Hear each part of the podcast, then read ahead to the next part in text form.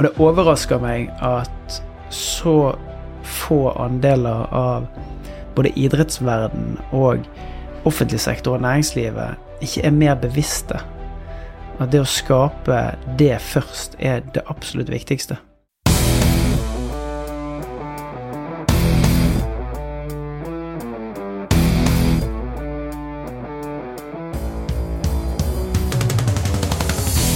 I forrige episode så snakket vi om det å endre betydning, meningen av det å gjøre feil.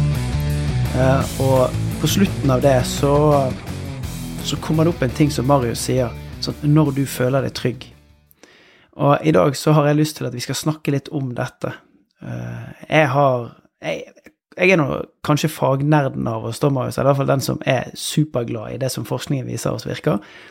Og i mange år så har begrepet psychological safety eh, vært eh, en viktig del av ledelseslitteraturen, en viktig del av det vi er bevisst på når vi skal bygge lag. Når jeg er ute og jobber med organisasjoner, så er ikke det alltid at vi snakker om psykologisk trygghet, men vi gjør ting som skaper det. Derfor så har jeg lyst til å bruke denne episoden her til å snakke litt rundt det begrepet. Hva er psykologisk trygghet for deg? Altså, det er jo det å være trygg. Jeg tror kanskje det beste eksempelet er hvis du er sammen med venner som du kan føle deg trygg med. Hva gjør du? Du føler at du kan være deg sjøl, du føler at du kan si ting, du er ikke så redd for å feile. Du tør å si ting høyt, du tør å bidra, du tør å kanskje komme med nye ideer. Men i det øyeblikket du er med noen du ikke kjenner, så bare Så blir jeg kanskje stille. Jeg tar ikke ut potensialet mitt, jeg blir anspent. Så det er kanskje det første som popper inn hos meg. Ja, og det er akkurat det som er, og jeg er så glad for at du beskriver det sånn, for det, det er sånn det faktisk er. Sånn det er to fine bilder. Når du sitter i et rom der du ikke kjenner så mange, så, så lar vi være. Vi blir heller stille. Eh, og vi tør ikke å ta den mellommenneskelige risikoen. Mitt bilde på det, det er det å tørre å legge hjertet på bordet, og så håpe at de som er der, tar imot det med raushet hjertevarme og åpenhet. Og den tryggheten eksisterer ikke, eller kan forsvinne, hvis noen flirer av det du sier. Eller hvis feil blir brukt imot deg. Eller hvis du, hvis du gjør noe, og så, og så blir det sånn et subtilt eh, risting på hodet. Da vegrer vi oss for å gjøre det. Og stiller spørsmål, så, så blir det latterliggjort når vi har denne tryggheten på plass, når vi tør å legge hjertet på bordet, og det blir tatt imot med hjertevarme og raushet og med omsorg, så blomstrer vi som mennesker. Og det overrasker meg at så få andeler av både idrettsverden og offentlig sektor og næringslivet ikke er mer bevisste. At det å skape det først er det absolutt viktigste. Går vi, går vi 10 000 år tilbake i tid, så var vi grupper på 100 og 100 mennesker. Sånn at når kvelden kom og mørket seg på, og det var fyr i leirbålet, så var det noen som hadde det ytre perimeteret, som var, var, det som var vaktholdet vårt, som beskyttet oss ifra farer. Sånn når vi var en del av denne gruppen, så var vi trygge. Og det er så viktig for denne urhjernen vår. Sånn og det betyr ikke at altså Hjernen vår er jo 10 000 år gammel. Det betyr ikke at min hjerne er 10 000 år gammel, men den har ikke utviklet seg i takt med samfunnet. Så den leter fortsatt etter de samme farene og leter fortsatt etter de samme bekreftelsene på trygghet. Og der ligger en av kjernene. For at meg og deg skal kunne tenke at det å mislykkes er bare et mentalt konstrukt, så må det òg være trygt for oss å gjøre det. Det hjelper ikke at bare meg at, at jeg gjør det aleine, hvis samarbeidet vårt er sånn at når jeg gjør feil, så kjefter du på meg. Eller når jeg gjør feil, så ler du av meg. Det, her har jeg også vært eh, innom. Jeg har også hatt forskjellige jobber eh, eh opp gjennom i starten av 20-åra, eh, men da husker jeg også en ting som Altså lederskap, da. Og jeg husker så godt når vi hadde Ja, jeg var i en jobb der hvor ansatte var trygge på lederen sin, og jeg kunne se hvor mye involvert de var i ting som ble gjort, ting som ble laget og sånne ting. Og det var ganske sterkt å se. Men så fikk jeg også se motsatsen. Mm. Når man ikke hadde tillit og trygghet fra fra lederen sin. Og da var det jo sånn at da så jeg at det var en periode hvor de ansatte kom med forslag, kom med input på hvordan man kunne gjøre ting og forme ting, men så ble det ikke tatt på alvor. Det ble aldri tatt i bruk. Og det førte da til at ok, men hvor, hvorfor gidder du aldri høre, hvorfor får jeg aldri være med? Og så skapte det mistillit, og da ble det jo fravær av trygghet. Og det førte egentlig bare til negative konsekvenser, og i det tilfellet her så var det da en del folk som slutta og sånne ting, men der fikk jeg virkelig se det i praksis, altså forskjellen på de som har høy trygghet, og de som har lav trygghet. Høy trygghet, de bidrar, de involverer, de tør å si ting. Folk tør å ha en mening.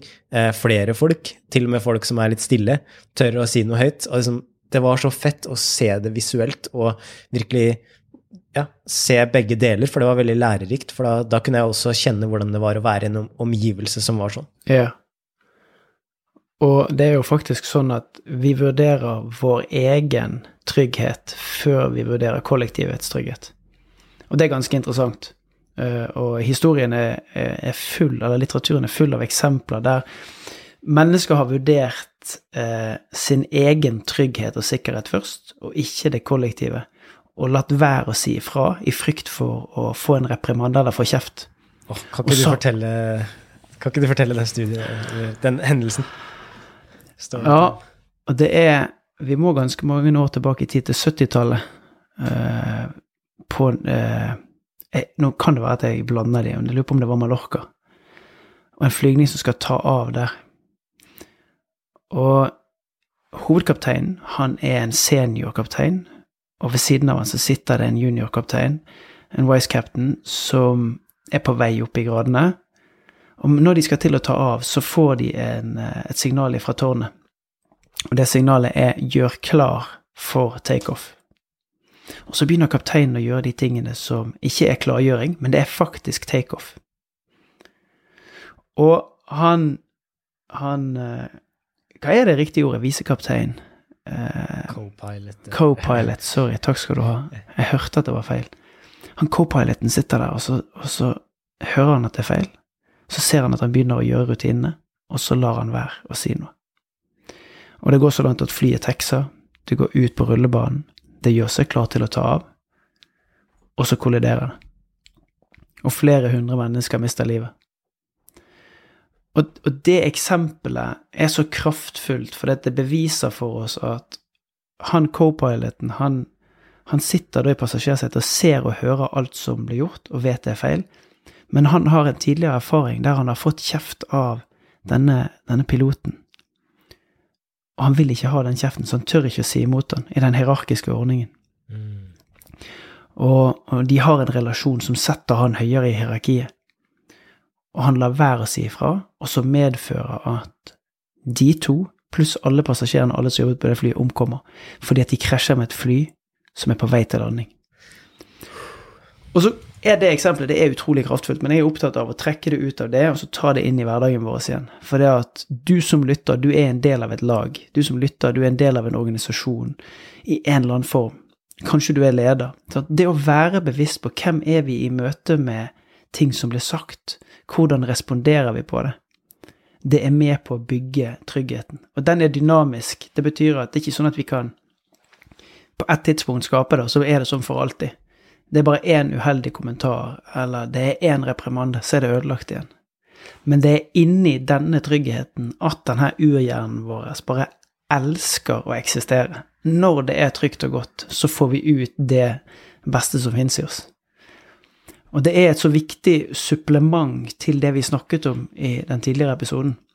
For det er vanskeligere å tenke at det å mislykkes bare er en måte å tenke på hvis ikke de rundt oss er der og backer oss.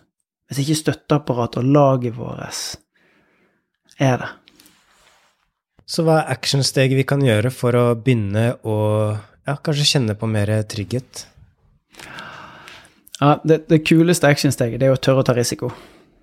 Det betyr at du faktisk tør å vise sårbarhet. Du tør å vise feil og mangler. Du tør å by på deg som menneske. Eh, og så får de som tar imot det, være de som er ansvarlig for responsen. Og dersom de ikke forvalter det med raushet, hjertevarme og omsorg, og møter det med en hardhet eller en kaldhet, ja, så går det an å spille det opp. Da går det an å utfordre på det. Yes. Herlig, herlig Tim Rudi. Tusen takk for at eh, du delte. Det er kjempeviktig å tenke på. og Jeg håper at du tør å ta litt risiko, du tør å dele litt. For på den andre siden av det så kan det jo ligge en ganske fet belønning med mer trygghet og mer utløsning av vårt potensial. Så masse lykke til. Takk for i dag. Takk for i dag.